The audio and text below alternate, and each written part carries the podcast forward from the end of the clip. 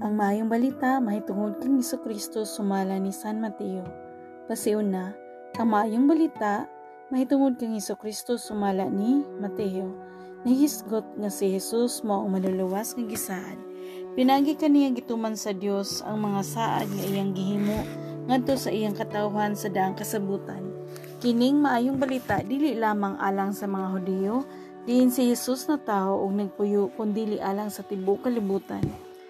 Maayong paghanay ang basahon ni Mateo, nagsugod kini sa pagkatao ni Jesus, nagsaysay sa pagbunyag kaniya ug sa pagtental sa yawa kaniya. Nagiskot usab kini sa iyang buluhaton sa pagwali, pagpanudlo ug pag-ayo sa mga masakiton didto sa Galilea. Nagsaysay usab kini bahin sa panaw ni Jesus gikan sa Galilea paingon sa Jerusalem ug sa mga hitabo sa katapusang semana ni Jesus nga misangko sa paglansang kaniya sa krus o sa iyang pagkabanhaw.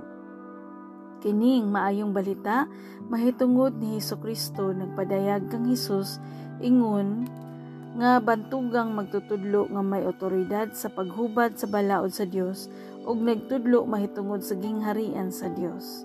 Ang mga pagtulunan ni Hesus nga niya niining basahuna nabahin sa lima katima. Una, ang wali sa bungtod nga may kalabutan sa kinaiya sa mga katungdanan, mga katungod ug sa unsay nagpaabot sa mga lumulupyo sa gingharian sa langit. Kapitulo 5 hangtod sa 7. Ikaduha, mga pahimangno ngadto sa napulog duha ka apostoles alang sa ilang misyon. Kapitulo 10. Katulo, mga sambingay mahitungod sa gingharian sa langit Kapitulo 13 Kaupat, pagtulunan may tungod sa kahulugan sa pagkatinunan. Kapitulo 18 ug ang ikalima, pagtulunan may tungod sa katapusang panghitabo ug sa umaabot nga paghari sa Dios.